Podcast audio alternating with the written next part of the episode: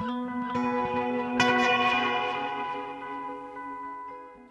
og sæl, kæri hlustendur. Halla Harðardóttir og Melkorka Ólafsdóttir heils ykkur úr hljóðstofu Víðsjár mánudaginn 3. oktober. Í þætti dagsins ferðumst við Íða til Tókó, Mexiko, Vestfjörða og Finnlands. Íslenska heimildamöndin Tókó Lísa var nýverið valin besta heimildamöndin á City of Angels hátíðinni sem er kvikmyndaháttíð Kvenna í Los Angeles.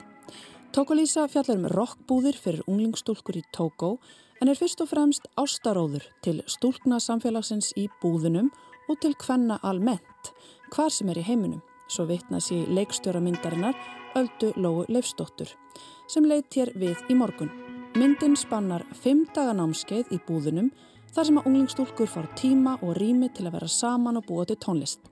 Það er Alda Lóa og Rut Sigurðardóttir sem sá myndatöku verða gestur okkar hér rétt og eftir. Frá Vesturbyggð til Venezuela, vestfiskar heimsbókmyndir, er yfirskrift bókmyndaviðburðar sem framfer í menningarhúsinu Edinborg næstkomandi 50 dagskvöld. Þar mæta til leiks fimm höfundar sem hafa allir ólíka tengingu við svæðið og ólíkan uppbruna. Hinn finska Satu Remu sem hefur nýverið skrifað sinn fyrsta krimma sem gerist á Ísafjörði og raug beint á topp meðsölulistana í Finnlandi. Helin Kova frá Venezuela, formaður Óspressunar, ríðtöfundasambands höfunda af ellendum uppruna á Íslandi og hinn litáíska Greta Letunikæti sem auk þess að kenna ríðlist á Ísafjörði hefur gefið út vinsalabók í Litáin. Þá lesa þau Birta Ósmann Þóraldsdóttir, skald og aðstandandi bókafálagsins Skriðu á Patræksfyrði og Eirikur Örd Nordal, rítuöndur úr sínum verkum við tækifærið. En Eirikur stóðu auk þess að skipula í viðbarðarins. Við forvitnust nánar um fjölbreytt samfélag rítöfunda á vestfjörðum hér í setniluta þáttar. Og í dag tekur líka til máls nýr pislahöfundur hér í Vísjá, tónlistarkonan Jelena Sýrik. Jelena mun í pislum sínum fara með okkur í ferðalög vitt og breytum ströyma og stefnur hinn að ymsu tónlistastefna og til ólíkra landa. Að þessu sinni förum við upp á Hásléttu í Mexiko en Jelena dvaldi í tvö ár í litlu fjallathorpi þær landi áður en að hún settist að hér við Norðurpólinn. En við byrjum á tónum frá Tókó.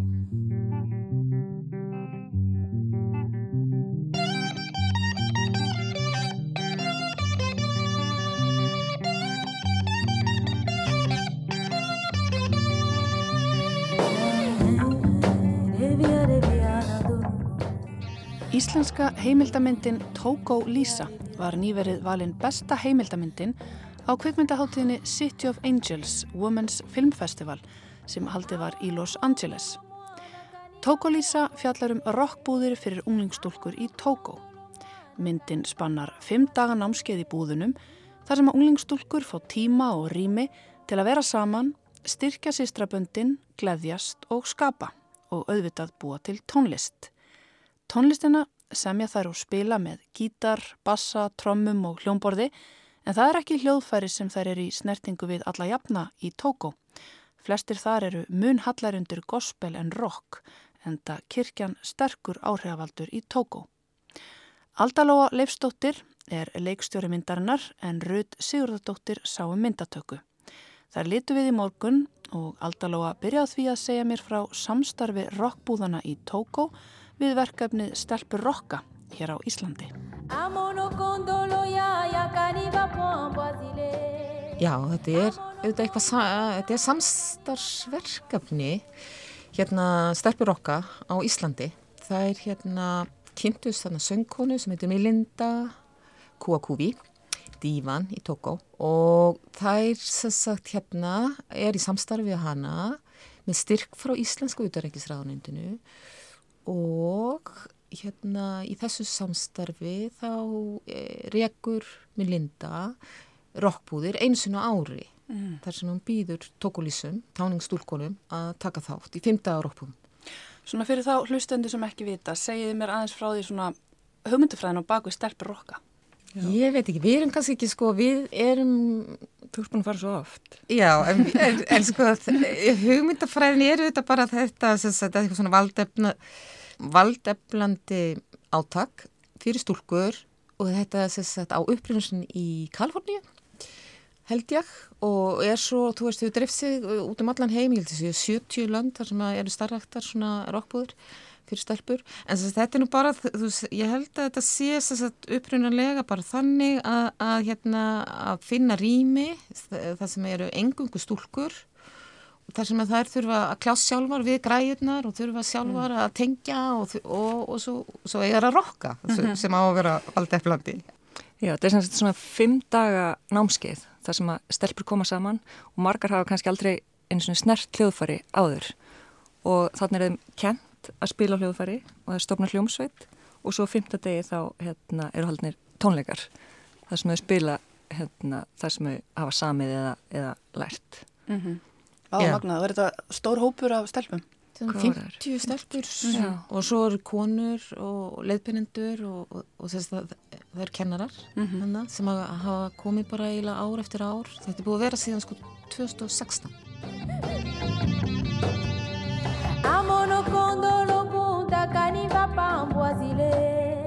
Og þið faraðan út og byrjaði að taka? Ég, ég fæ alveg bara svona skilabóð frá öldulögu hvort að ég nenni að koma með til Tókó í lítið verkefni. Þannig að við fórum hann í fyrsta skipti, mann ekki hvað ára var það? Það er 2017. 2017. En þá var það meira svona bara til að þreyfa ásvengnin, við vorum ekki með neitt svona markmið þannig séð. Nei, við ætlum ekki að gera mynd, sko, við vorum bara að taka upp og við vorum í raun og verið bara að styðja þessar rockbúðra þegar ég er, er með sko ég er með aldagömmul tengsl við Tóko á öðrum ástæðum eða þess að því að dótti mín kemur frá Tóko mm. þannig að ég, þetta er bara svona eins og að Tóko er bara svona einhver gammal æ, ættingi eða mhm. einhver svona fjafi og er bara alltaf þarna og, og ég, ég er búin að vera vasast í ímsu þarna og meðal annars tengdi ég þarna ég stelpur okka og mér lindu saman mm -hmm. til mhm. þess að hérna halda þessar rockbúðir og ég var bara einhvern veginn að fylgja því úr hlaði og hérna og sem að taka eitthvað upp svona til þess að hjálpa þeim að, að mhm. auðvisa þetta Og þú hefði tekið myndavelina með, Rutt? Já, við tókum, hana, já, já. við tókum hana kameru með mm. en svo þegar við vorum búin að fara tvísvar þá var þetta einhvern veginn urðuvegilega að gera mynd og þegar við fórum í þriðaskiptið þá vorum við með bara, fórum við með krú og hérna og dokumentur um þetta mjög mm. vel. Og fóruð þið þá með eitthvað svona ákveðna hugmynd um struktúr eða fóruð þið bara og ákveðið að búa til taka upp og sjá hvað kæmi eða hvernig var svona, hvernig var svona aðfyrrafræðin ykkar eða var eitthvað ákveðin aðfyrrafræði? Fórum við geggja handrit. Fórum við handrit. Við fyrðum okkur mjög vel. Fórum við handrit en En eins og eh, já, þetta er heimildamind að þá var ekki alveg að fylla upp í handritið á þessum fimm dögum að því handritið var einskorðað við þessa fimm daga mm -hmm. alveg stíft. Þannig að við verðum að, já, við verðum svolítið að spinna. Mm -hmm. Já, þetta þróaði svona aðeins í tökunum mm. og svo náttúrulega í klippjörninginu. Hey mama, Ah mama kimumbo kindu pasikinina En hvernig, hérna nú ég, hef ég ekki séð myndina því miður en svona hvernig byggja hann upp? Er þið bara flugur á vegg eða er það að taka mikið af viðtölum eða hvernig byggja hann upp?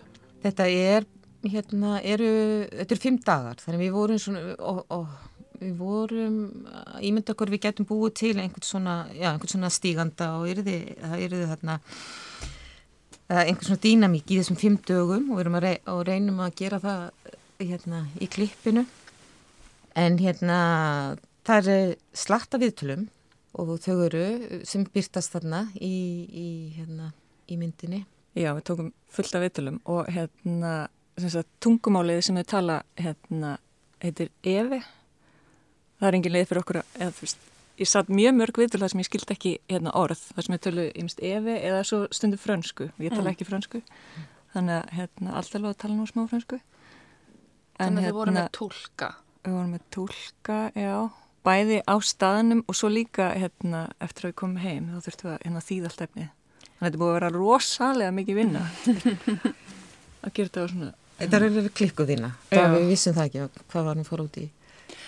Er það ekki líka þannig í heimildamöndagjær þú leggur að staða eitthvað verkefni og svo þetta kemur margt á óvart og þú ert að vinna með raunveruleikan og og það er ekkert eins og þú býst viðgerir áð fyrir, eða hvað?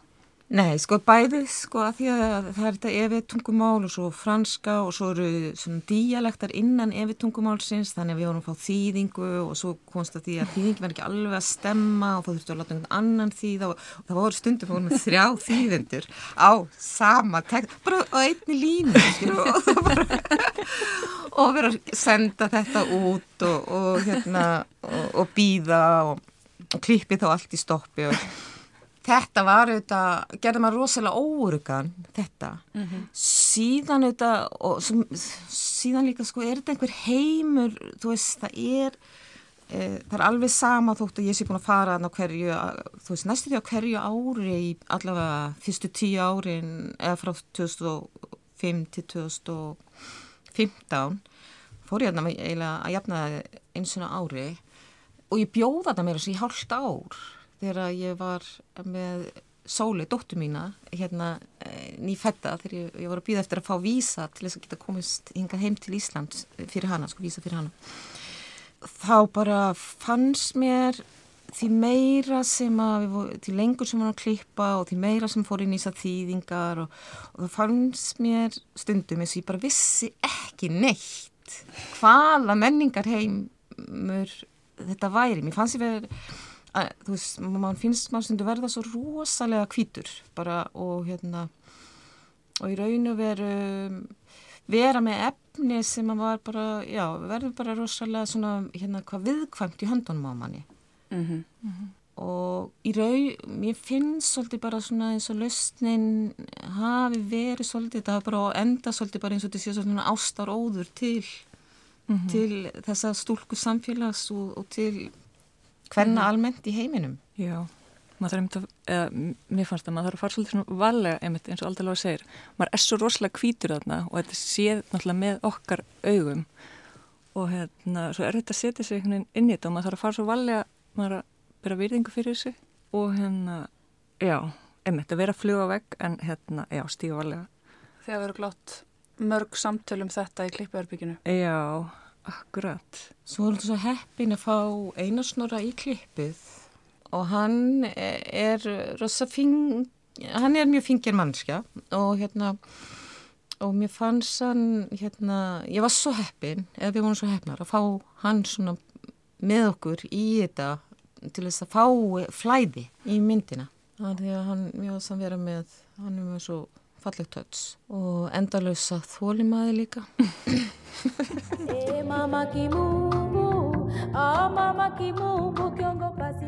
Er þetta þín fyrsta heimildamind, Valdalóa? Já, þetta er mín fyrsta heimildamind og ég er ósað takklátt fyrir að hafa fengið fengið, þú veist, þetta er mjög sér að bara verið í einhverju þryggjára hérna, þryggjára skóla mm. En hérna, já, ég er svo bara þakklátt fyrir að hafa fengið þetta tækifæri til þess að gera þetta. Þótti þetta hafi verið rillilega erfitt líka, mér finnst það áfsalega erfitt og um, já. En akkur er langaði til að miðla þessar sögu? Ég held að það hafi verið bara þannig að þegar við fórum 2018 og þá fórum við að taka viðtöl, þá urðum við svo rosalega hrifnar af hérna efninu og hrifnar af myndunum og okkur fannst þetta svo fallegt og okkur fannst þetta svo indislegt. Já, stelpuna voru svo, kólfjallin fyrir stelpunum. Já, stelpuna voru svo mm. hérna lífandi og... og mm. Já, mér fannst það einmitt svo fallegt því að hérna, því maður náttúrulega stíði inn í bara einhvern heim sem er bara svo ólíkur manns eigins og rosalega auðvelt að benda á hvað er öðruvísi hjá þeim en það sem mér fannst svo fallegt var hérna hvaða er mikið sameilegt, þetta er bara hérna veist, ég tengdi við svo margt sem að þær voru að hérna, hugsa eða díla við, þetta er bara svona stelpu, uh mhm. -huh. stelpumál, eitthvað svona sem að, hérna, bara já, ég man eftir því ára, emitt, greiða mér svona og ég vildi, hérna, þannig að mér finnst þetta, hérna, það sem er svona sameilegt, mér finnst það svo fallegt, ekki það sem er mhm. öðrísi, hérna, búa öðrísi en við og hérna aðra aðstæður, eitthvað svona sam. Og við gengum svolítið út frá þessu, við vorum mm. að reynum, reyndum að, að hérna, það var svona þráðurinn hjá okkur. Mm -hmm við erum ekki að fara ekki að fara hérna sína það sem er uh, erfitt eða? En hins er sko þá þá í raun og veru svona já, kemst maður að því að hérna Uh, það er svo skrítið þóttum maður við, hérna maður kemst út af því að það er bara svo hryllilega fátækt uh, þótt allir líti vel út og allir eru fallegir og í fallegum fötum og, og hérna þá er uh, fátæktin svo mikil og hérna og skýrandi samt að nefnst stór bakvið.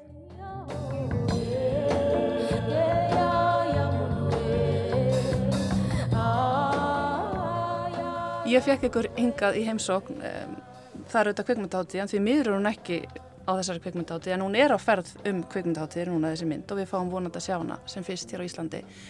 En ég hóaði ykkur vegna þess að þið voruð að vinna mjög flott velun í Los Angeles. Segjum mér hans frá því hvernig var að fara með myndina til, hérna, til Hollywood. Já, myndi fór til Hollywood maður. Já, og við líka. Já, við fórum með henni, fylgdum henni þánga Mm. Já, hann fór á kveikmyndahátti sem heitir City of Angels Women's, Women's Film, Film Festival, Festival já. og já, hún var valin hérna besta heimildamindin í fullri lengt mm -hmm. fengur svona heila fína svona gildastittu með svona eng, englastittu, gilda englastittu og við varum svo hrættar um að hún nýtti tekin af okkur þegar við færum í tollinum. Að við varum bara með handfara okkur. Og, og hvað saði hérna þetta geti bara verið vopp já, hún var nefnilega hérna, með svona hérna, hún var ótkvöss þessa vangi og svo eru eitthvað reyna útskýrita fyrir honum hann í öryggslein að við höfum nú unnið hérna, velun hún fannst það ekkert merkilegt í hérna, Los Angeles. Það er nú margir sem fara með velun það er ekki hvað var það, Emmy? var það Emmy? Ég held að emmi veluna hafi verið sko sem í viku Já, þáttin áður eitthvað. Mjög margir búin að fara með velun sín hann í gegn. Dásanlegt, en það byrjar alltaf vel samstarfið ykkar. Ætlið að gera eitthvað meira saman? Já, vonandi. Og ég vona það. Við erum, Já. sko, við erum þetta, búin að ferðast rosa mikið saman og svona löngferðalög mm -hmm. og, og hérna ég það bara, já, Rud passar alltaf, hún er alltaf með passan minn. Passa öllu lóð svo ef ég er eitthvað svona í símanum og er eitthvað lengi að, senda einhver skilabóð eða eitthvað þá tekur hún síman af og klárar. Hljómar er þessi gott heimi Já, já. og ég er, já, ég er nú ofta að spyrja það í hvort ég sé mamminar eða stundum Ég er alveg hægt að vera sári við því en enda get ég alveg verið mamminar Aldalóa og Röð, takk innlega fyrir komuna í við sjá. Við ætlum að setja smá músika á hérna í lokin og hérna finna stemninguna í Tókó til hamingi með Tókó Lísu. Takk. Takk, hella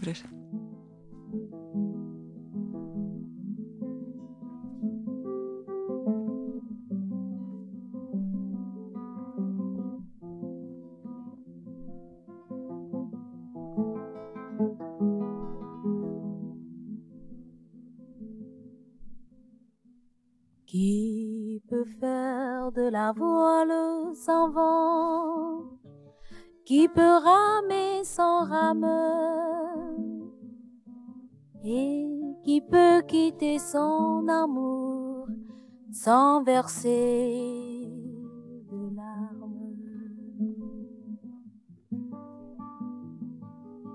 Je peux faire de la voile sans vent je peux ramer sans rame,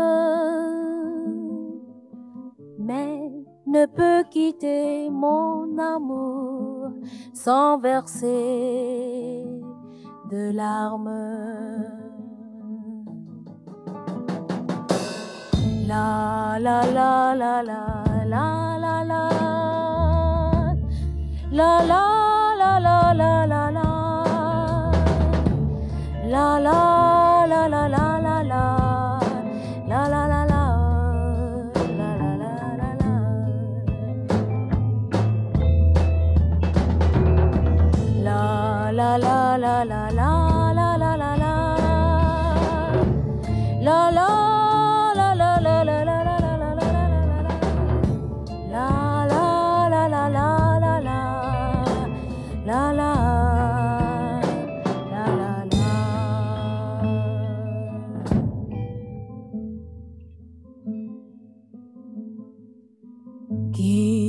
faire de la voile sans vent, qui peut ramer sans rame et qui peut quitter son amour sans verser de larmes. Je peux faire de la voile sans vent, je peux ramer sans rame, mais ne peut quitter mon amour sans verser de larmes. La la la la la la la la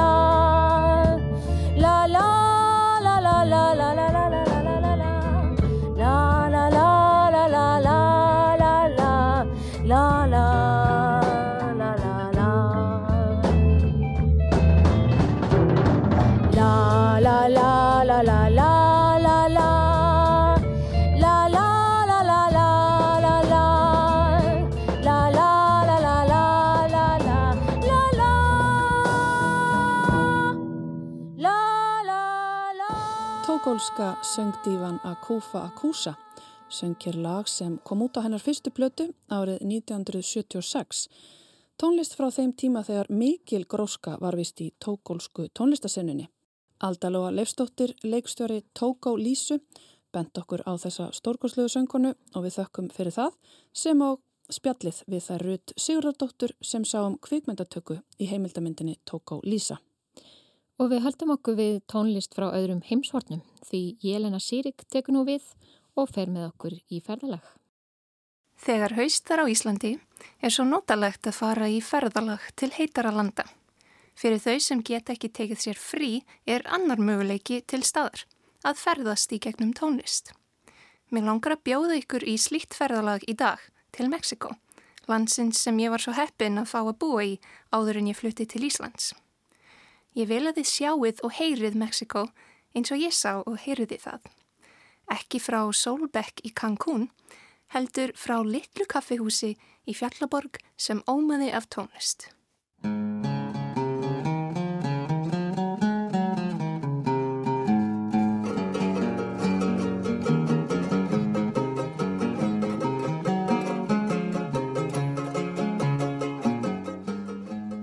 Til að komast á þennan stað verðum við að fljúa til Mexikoborgar og taka svo rútu austur því þangað sem við erum að fara er engin alþjóðlegur flugvöllur.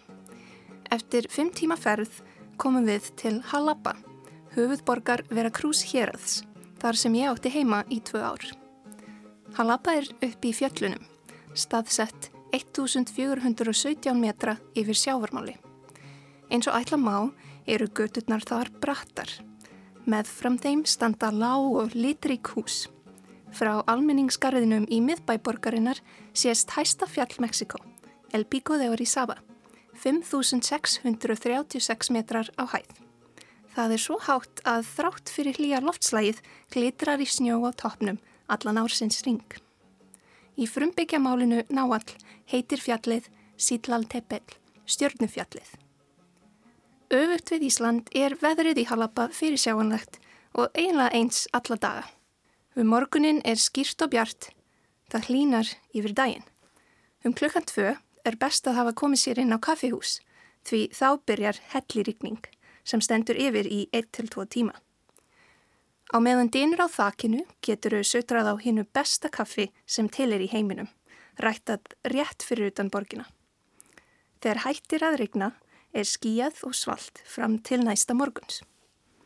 Á veturna læði stóka inn í borgina á samt úða sem borgarbúðnir kalla chibi chibi. Það getur verið að þessi lýsing sé framandi fyrir ykkur, kæri hlustendur, en helsta tónlistarhefð Veracruz Héraðs er það ekki, ekki alveg. Svo tónlistarhefð heitir Son Jarocho og eitt besta dæmi þess hafiði mjög líklega heyrst þó í aðeins rokkaðri útgáfu.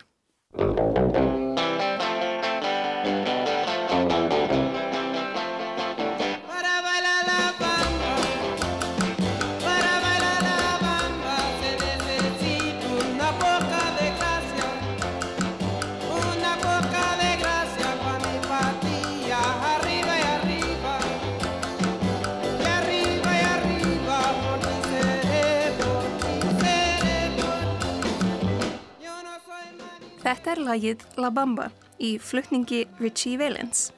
Valens gaf út lagið árið 1958, þá aðeins 16 ára gammal og það sló í gegn þvert yfir bandaríkin. En á þeim tíma var óheyrst að lag með engungu spænskum texta eruði svo vinsalt. Eftir að kvikmyndum líf Valens var gefin út árið 1987 var lagið aftur vinsalt í flutningi hljómsveitarinnar Los Lobos. En hér er La Bamba í aðeins hefðbundnari útgáfu, flutt af Tlen Huicani og Lino Chávez.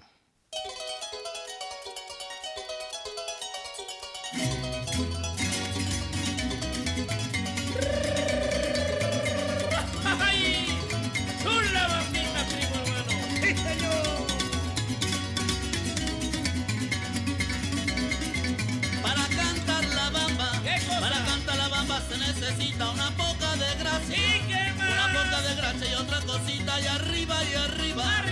Arriba y arriba y arriba iré, yo no soy marinero. Yo no soy marinero, por ti seré, por ti seré, por ti seré. En la bamba, señores. Í þessari útsetningu heyrist strengja hljóðfæri sem er kallað harana. Aðal hljóðfærið í Son Haracho tónlistinni.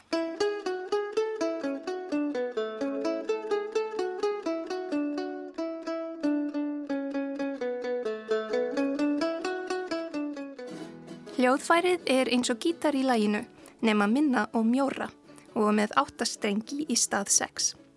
Í einni Son Haracho hljómsveit geta verið nokkrar harunur af mismunandi stærðum og tónsviðum og auk þess harpa og slagverks hljóðfæri. Svo er það söngurinn.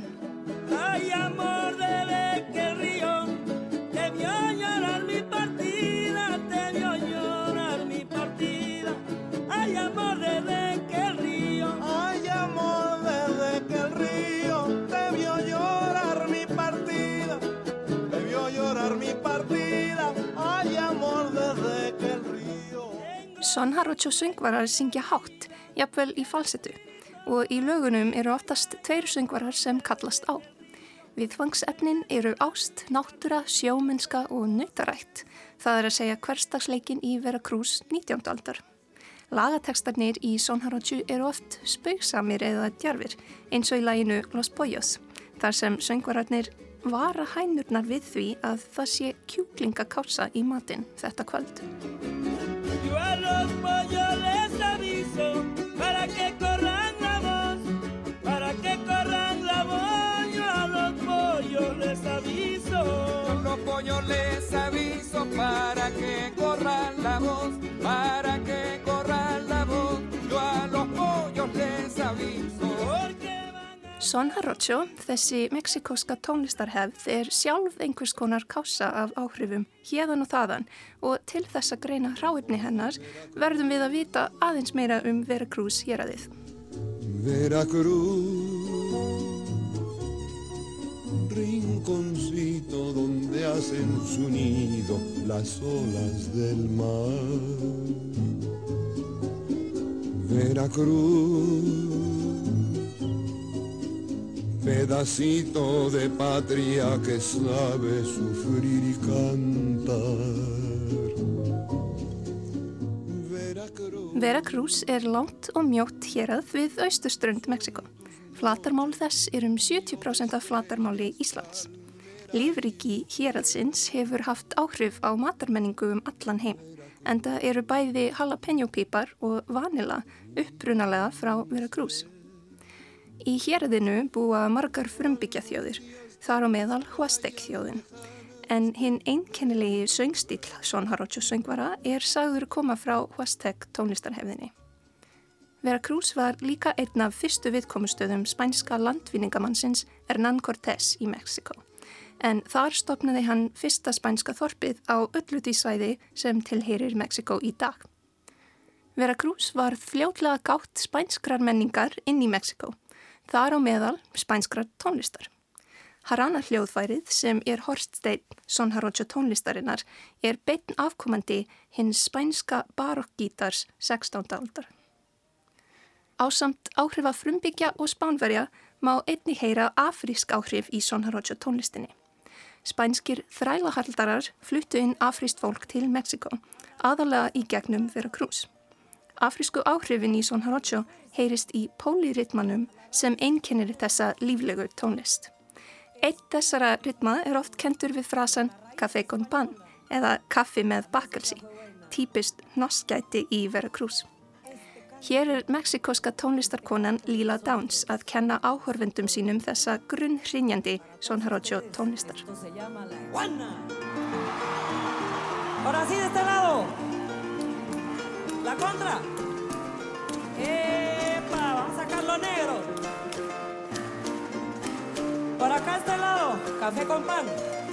Café con pan, café con pan, café con pan, café con pan, café con pan. Venga por acá. Pam, pam, pam, pam, pam, pam. Eso.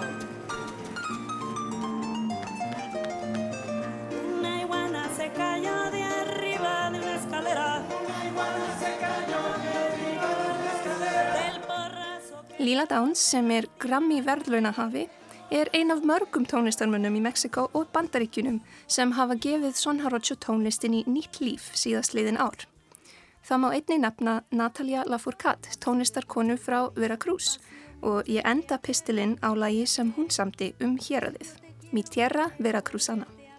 Í laginu hlakkar hún til þess að koma heim til Veracruz og ímyndar sér hvernig það verður að likja í hengirúmi, úti í gardi með kaffibotla í hendi. Ég býð ykkur, kæru hlustendur, hér í Íslenska haustinu að ímynda ykkur það sama.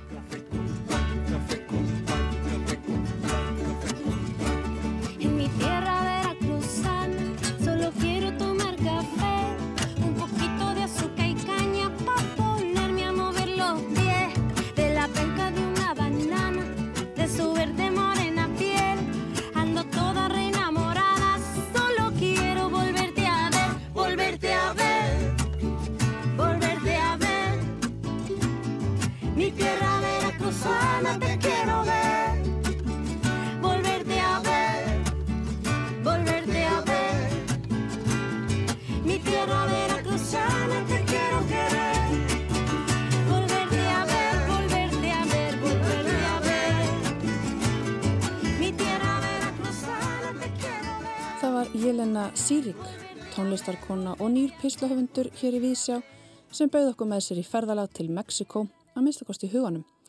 Og við Melgorka sitjum hér í hljóðstofu í hengirúmi með svaladrykk komnar hálfa leið til Vera Cruz í huganum og heldur nú á við nýra eventýra. Já, að þessu sinni gerist þau á vestfjörðum.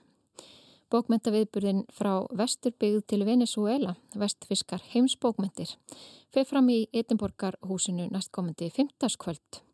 Við sjá greið breytöfundin Eiríkörn Nordaltali á stuttu ferðalagi til höfustæðarins og farvitnaðist um viðburðin og fjölbreytt samfélag rítöfunda á vestfjörðum. Ég hef svo sem haft þetta bak við eirað í svolítinn tíma, ég áttaði mig á því fyrir eiginlega ekki svo löngu síðan við vorum orðin bara förðu mörg starfandi rítöfundar á Ísafjörði. Fyrir einhverja undarlega tilvun þá er ég eiginlega sagt, eini, eini innfætti íslendingurinn, maður, maður orðar þannig. Við erum hérna, við erum hérna fjögur í Ísafjörðabæ sem að, hérna, höfum þetta svona að, að aðalstarfa í raun og veru. Það var ég og hérna svo Satu Rema frá Finnlandi, Helen Kova frá Venezuela og hérna Greta Letunin Gæti frá Litáin. Að því þekki, það er ekkert endilega svo mikið sko, en við, við erum alltaf í sama bæjarfæleginu, við erum alltaf í sama bransanum einhvern veginn og fyrst var ég bara eitthvað að ég ætti að bjóða þeim í mat og svo er ég bara að stofna eitthvað félag, bara einhver svona, svona, svona ísviska bókmenta-mafíu eða eitthvað. Og svo sagt, var ég bara hérna, rakst ég á Helen og fór eitthvað að spjalla með hana og þá dætt mér eitthvað hvort við getum, ættum ekki bara sagt, lesa upp saman. Og svo bættist Birta Ósmann við, við stækkuðum til að hafa alla vestfyrðina með og þá hérna, getum við fengið hana frá, frá Patrísfyrði til að lesa með okkur Einmitt, Birta er með útgáðuna skreiðu Já, og er að gefa út ljóðabók núna Og Helen Gói, hún er á flatteri og þingari eða hvað? Hún er á flatir, já, hún var á, var á þingari. Hún gaf út bókina sjálfsátt fyrir nokkur mánu síðan og svo er Greta, hún sagt hefur gefið út eina bók á litavísku sem er að koma á, en, í, á ennsku fljótlega og svo er líka að koma önnur bók á litavísku, skilst mér. Og svo Satu er að skrifa krimma sem gerist á Ísafriði líka um, um íslenska löggu sem er í samstarfi við, við finska löggu og það er að gerast ægilegir glæfir, skilst mér. Það heyrist svona smá vindur. Já, ok, þá er kannski betri að ég fer inn. Ekkert mál. Sini! Mun pitää antaa yksi haastattelu. Mä laitan hetkeksi ton kiinni. Niin. On. Okei, okay, hér kom ég inn og búin að sleppa, Slökk á reyksugunni og tónlistinni og. Satu Remmu, þú ert ekki stödd á Ísafyrði akkurat núna. Hvað ertu stödd? Ég er í Suður Finnlandi, nálegt Turku, Ég ætla að fara í bókafer, svona bókahátíð, bókarástefnir sem er í Turku núna. Og já, ég er búin að vera hérna núna í nokkra vikur í Finnlandi, tala um nýjastu bókina mína og þetta er svona seri af þrjár bækur, Mm af þrejum bókum og þessi fyrsti Hildur kom út núna í júni, júni í, núna í sumar. Þú ert að fylgja henni eftir. Já, já, akkurat það. Og Hildur, hún kom út í júni og það eru þegar selt yfir 60.000 eintök í Finnlandi. Já, ég veit þetta er bara mjög, þetta kom allt á óvart. Ég, ég vissi alveg að bókin var bara fín og góð og ég var bara mjög þakklátt þegar hún kom út. En svo, ég veit ekki, eitthvað gerðist í sumar og þessar sölutölur voru bara strax mjög háar og ég er ennþá svona pínu hissa að hvað gerðist. Er ekki gaman að fylgja henni þá eftir núna? Já, þetta er mjög gaman og núna er bara ótrúlega flott að hitta fólk sem hefur lesið bókina og vill tala um bókina og vill tala um Hildi, svona aðalsögupersonan í bókinni og tala um Ísafjörð og um Ísland og út af sagan gerist á Íslandi og já, þetta var búin að vera mjög áhugavert og, og gaman. Og sagan gerist að mestuleiti á Ísafjörði og í kringum Ísafjörð og já, ég ætla nú ekki að tala ómikið um plottið en það er mannskvarfi vestfjörðagöngunum. Já, þar eru sem sagt, Hildur er rannsóknarlaurinn kona á, á Ísafjörði og svona 20 ár síðan, 25 ár síðan, tvær sýstur hennar, yngri sýstur, tindist í göngin þegar þau voru að leiðinni heim frá skólan og þarna byrjar sagan. Já, ég langar ekki að segja mjög, mjög mikið um það en, en þetta er sem sagt svona fyrsta sem gerist í bókinni og svo við reynum bara að finna út hvað gerðist og af hverju og Það þekkir nú kannski flestir hvað það getur verið óþægilegt að keira þessi göng. það er mjög óþægilegt ég er að keira það sjálf frekar oft og ég bara, einhvern veginn þessi sagan kveitist, þú veist, inn í mér, inn í þessari göng, svona, hvað er svona vest sem getur gerist hér, þetta er einhvern veginn svo, já, allir sem eru búin að gera í þessa göng vita hversu svona spennandi það getur verið, þú veist, þetta er svona fullkomin staður fyrir svona saga. Og Hildur er sem sagt rannsóknar lauruglu kona og Jakob er finsku starfsnemi sem hefur mikinn áhuga á að prjóna. Hvernig kom það til? Sko, já, út af ég, ég er finni og ég bý á, á Íslandi á, og, og núna er mitt á, á, á Ísafjörði og mér fannst að, ok, ég er að skrifa klæpasögu sem gerist á Íslandi og aðalsögupersonan er, fi- er, er íslensk kona, að ég þarf að fá eitthvað bara þú veist, frá Finnlandi þú veist, inn í bókinni líka, bara þú veist, þannig að þetta væri ekki, já, já, útlendingurinn er að, sk- er að skrifa íslenskan klæpasaga en það er enginn finni með. Mér fannst það var einhvern veginn svona, þetta var ekki gott. Svo ég reyndi bara að finna út leið til að koma með finskan mann inn í söguna og ég var mjög lengi að hugsa hvernig er það hægt út af það er ekki svo einfalt að bara flytja til Íslands og byrja að vera lögreglumadur. Það er læra tungumálið og fá ríkisborgarrétt og allt þetta. En svo ég fattaði að það er til svona starfsnám veist, innan Norðnalöndum, það heitir Nordkapp og þá var ég svona, var ótrúlega ánægt þegar ég fattaði þetta svona yes, núna er ég, ég er búin að finna leið, svona raunverulega leið til að flytja þennan finskan mann til Íslands og staðsetja hann á, á Ísafjörði og vinna saman með Hildi. En þú svaraði ekki af hverju hann hefur svona mikinn áhuga á prjónum. Að prjónu, sko þinnar yfirlegt elska að prjóna og íslenska lópapeysur eru mjög mikið í tísku akkurat núna, er búin að vera svona undarfari 2-3 ár, bara svona allt svona lopi ull sem er til í Fínlandi er bara strax að selst upp og fólk er að brjóna og brjóna og brjóna og einmitt íslenska lopupæsur. Það er einhvern veginn mjög mikill í tisku akkurat núna. Mm -hmm. Sem sagt finnar þekkja þetta. Þau vita, þú veist, Ísland, já, Eldgós og, og lopi er svona eitthvað sem allir, sem, sem allir í Fínlandi tengist mjög vel. Þess vegna ákveðir hann að velja að koma til Íslands í starfsnám og ekki til dæmis í Gaupmannahöfni eða, eða Svíðjóð. Umveitt. En þú þekkir þetta náttúrulega mjög vel, þú hefur gefið út hvað 20 bækur um Ísland og ferðamennsku mögulegt. Já. Já, og þetta var einmitt núna fyrsta, fyrsta klæpasagan.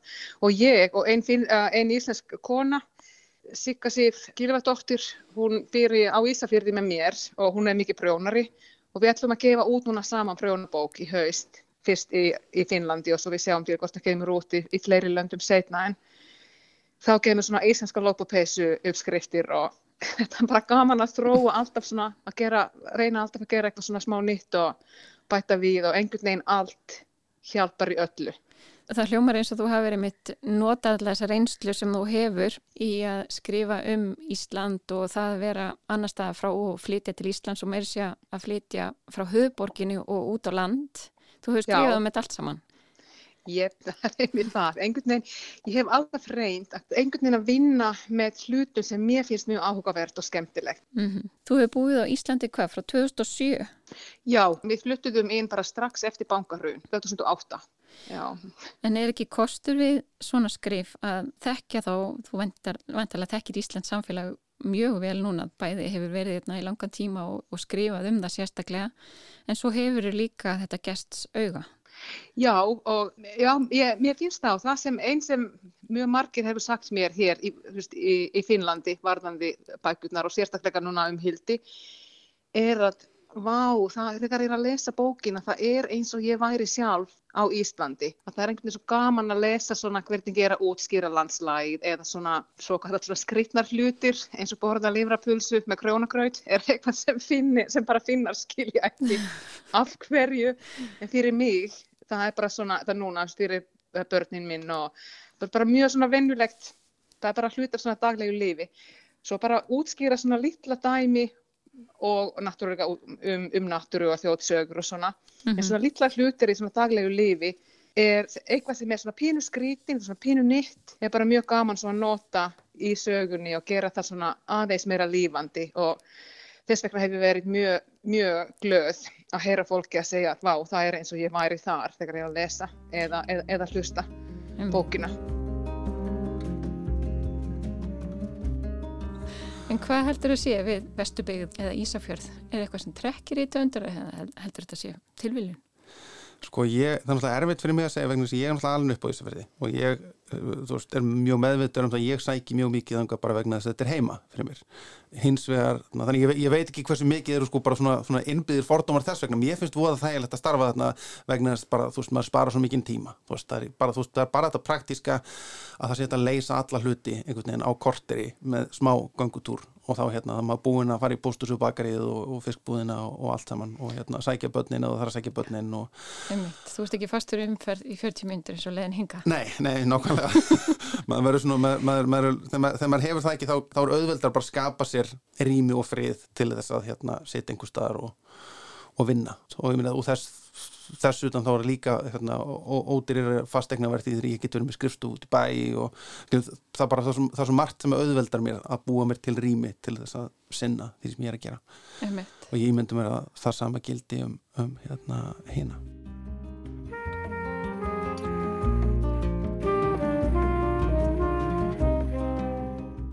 En finnst þið gott að skrifa fyrir vestan? Já, bara mjög gott. Eh, Hildur, þessi bókaseríuna, byrjaði þar. Þarna kveiktist hugmyndin.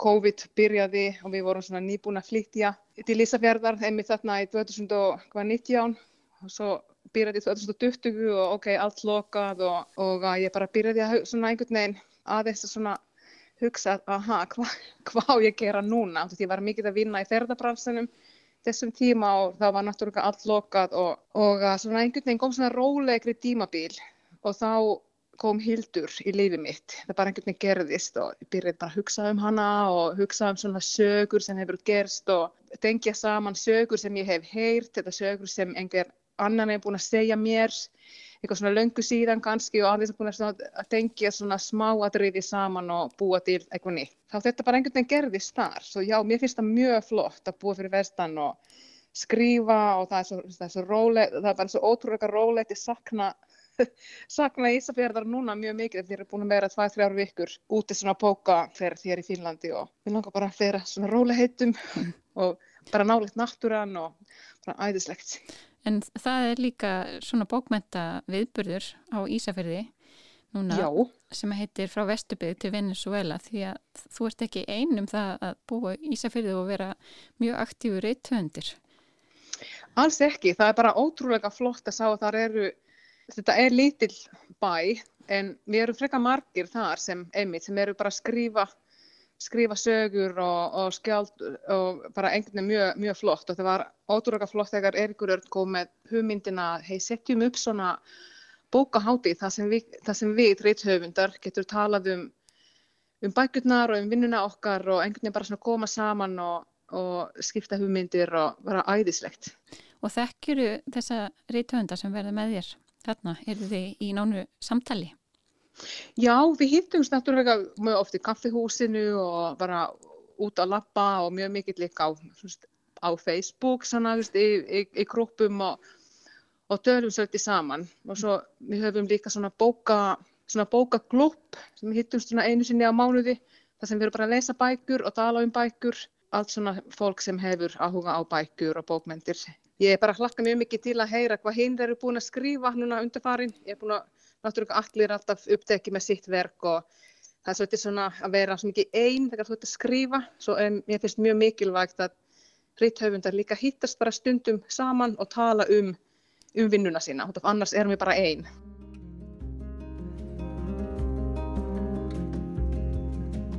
En það skrifa á sínu móðmáli eða hvað? Ég held að Greta skrifa nú eitthvað ennsku líka sko, en, hérna, en fyrst og fremst já á litáísku og hérna, Helen hefur skrifað á spænsku bara held ég, en, en hefur verið þýtt, hefur látið, látið að bækundar sínar á og hérna, ég held að það hefur báðar komið út á þreymur tungumálum á ennsku, íslensku og spænsku. Mm -hmm. En Sato hefur ekki ennþá verið þýtt á íslensku? Nei, en það, það ég mér skilst um svona búin að selja réttin til alveg, alveg hérna, 40 landa eða eitthvað að nýju bókinni, þannig að hérna, Ísland lítur að bætast í þann flokk fljótlega. Við hljóttum að vera að kveika. Já, já, það hérna, ég, allavega, ég held, held að Ísferingar sé mjög spenntir að fá að vita hvað, hérna, hvað gerist í þessum kremma. Hérna. Já.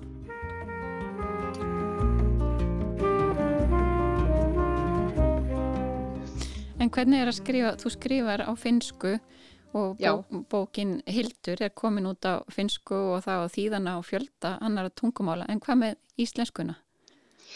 Það er ekki ennþá komið samning með, með íslenska útgáfuna, en já, Svíþjóð, með Danmörgu, já, Þískaland, Holland, um, Holland já, það var selv til Noregs mm -hmm. og, Est, og til Estlands, mm -hmm. því mann núna rétt, svona sjö, sjölönd með Finnlandi saman.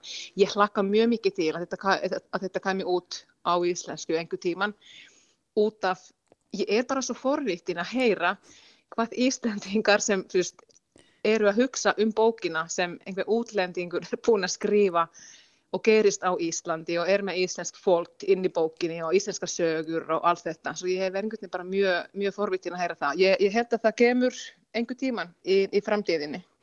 Alla bækurna mínar eru gefin út í Finnlandi og þetta er stundum svona pínu skrítið fyrir mig að ég er á tveimum löndum alltaf. Ég er, er heimann er á Ísafjörði og á, og á Íslandi en svo hverjum deg ég fer til Þínlands í vinnuna, náttúrulega gegnum tölvuna, en, en þetta er svo að stundum er ég svona pínu svona utan á, það er líka, já, það er bara spennandi, þá get ég aðeins svona horst hlutir svona sem eru ekki, sem kannski hinnir sé ekki út af þau lífa það, en þegar ég er svona smá svona utan á þá kveikir kannski að þess að þetta eru vissi hugmyndir og svona, en ég er mjög mikið til fyrir alls konar svona samstarfi við reyð höfunda og einmitt, einhvern veginn ótrúlega flott að við erum svo einmitt margir staðsett á Ísafyrði og einmitt fólk sem kannski er ekki einmitt, veist, íslensk, að við erum síst, frá hér og þar og einhvern veginn mjög, mjög flott að skipta hugmyndir þá um, um, um, uh, um bókmyndir og búa og vinna á Íslandi og svo framvegis. Þeir eru svona hulinn kannski fyrir íslensku, íslensku mælandi bókmyndaunundum, það er synd. Já, Mm. akkurat. Já, það er vonandi að við fáum að lesa bækurna þínar fljótlega á íslensku Það var mjög gaman. og þeir sem að komast í Edinborgarhúsið geta kynst þessu allavega. Endilega og ég, ég er búin að uh, vinkona mín Erla, Erla Völudóttir, hún, hún, var að, uh, hún var að þýða nokkra gabla fyrir mig frá úr, úr finsku yfir á íslensku svo ég get lesið aðeins á íslensku um bókina mína. Ok, þarna í Edinborgarhúsinu, það er bara mjög, ég bara einhvern veginn, ég fannst það bara svo þegar það gemur Íslendingar að hlusta á okkur að það var mjög flott að segja frá bókina á íslensku, bara svona að lesa kaplar á íslensku til að aðeins að kynna hana.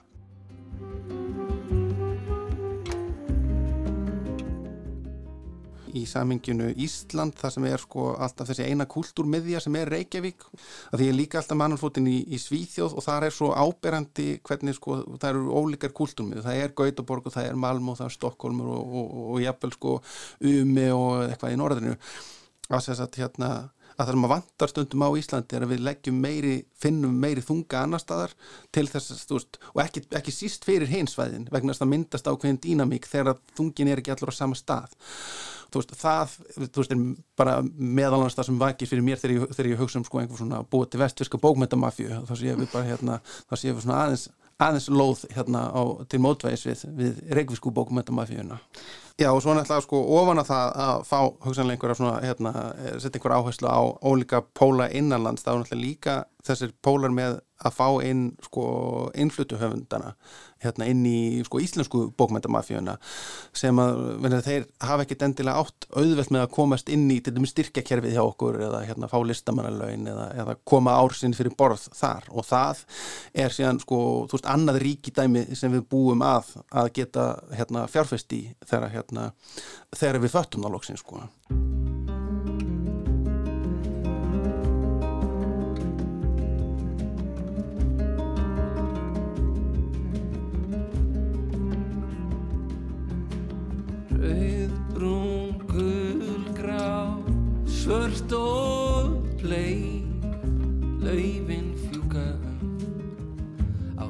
Haustans leik Stökkva snúast algjörleg í takt.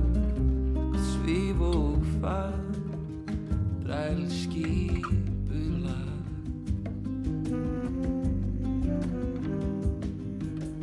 Ölvaðir þrestir er að rífa kjátt fljúast á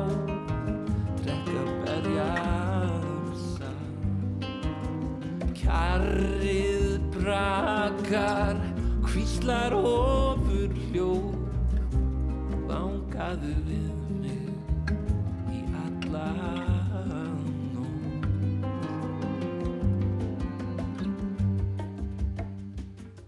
Ó að sleppa Já, sleppa Sleppa. Alveg takinu og dansa Já, dansa Dansa Eins og glóð í myrkrinu Brot úr nýju lagi Múkisson, Haustans, hér á eftir spjalli Melkorku við þau Satu Remo og Eirík Örn Nordal. Og þá erum við komin að leiða lókum eftir ferðalagum allan heiminn. Takk fyrir okkur í dag og verið sæl.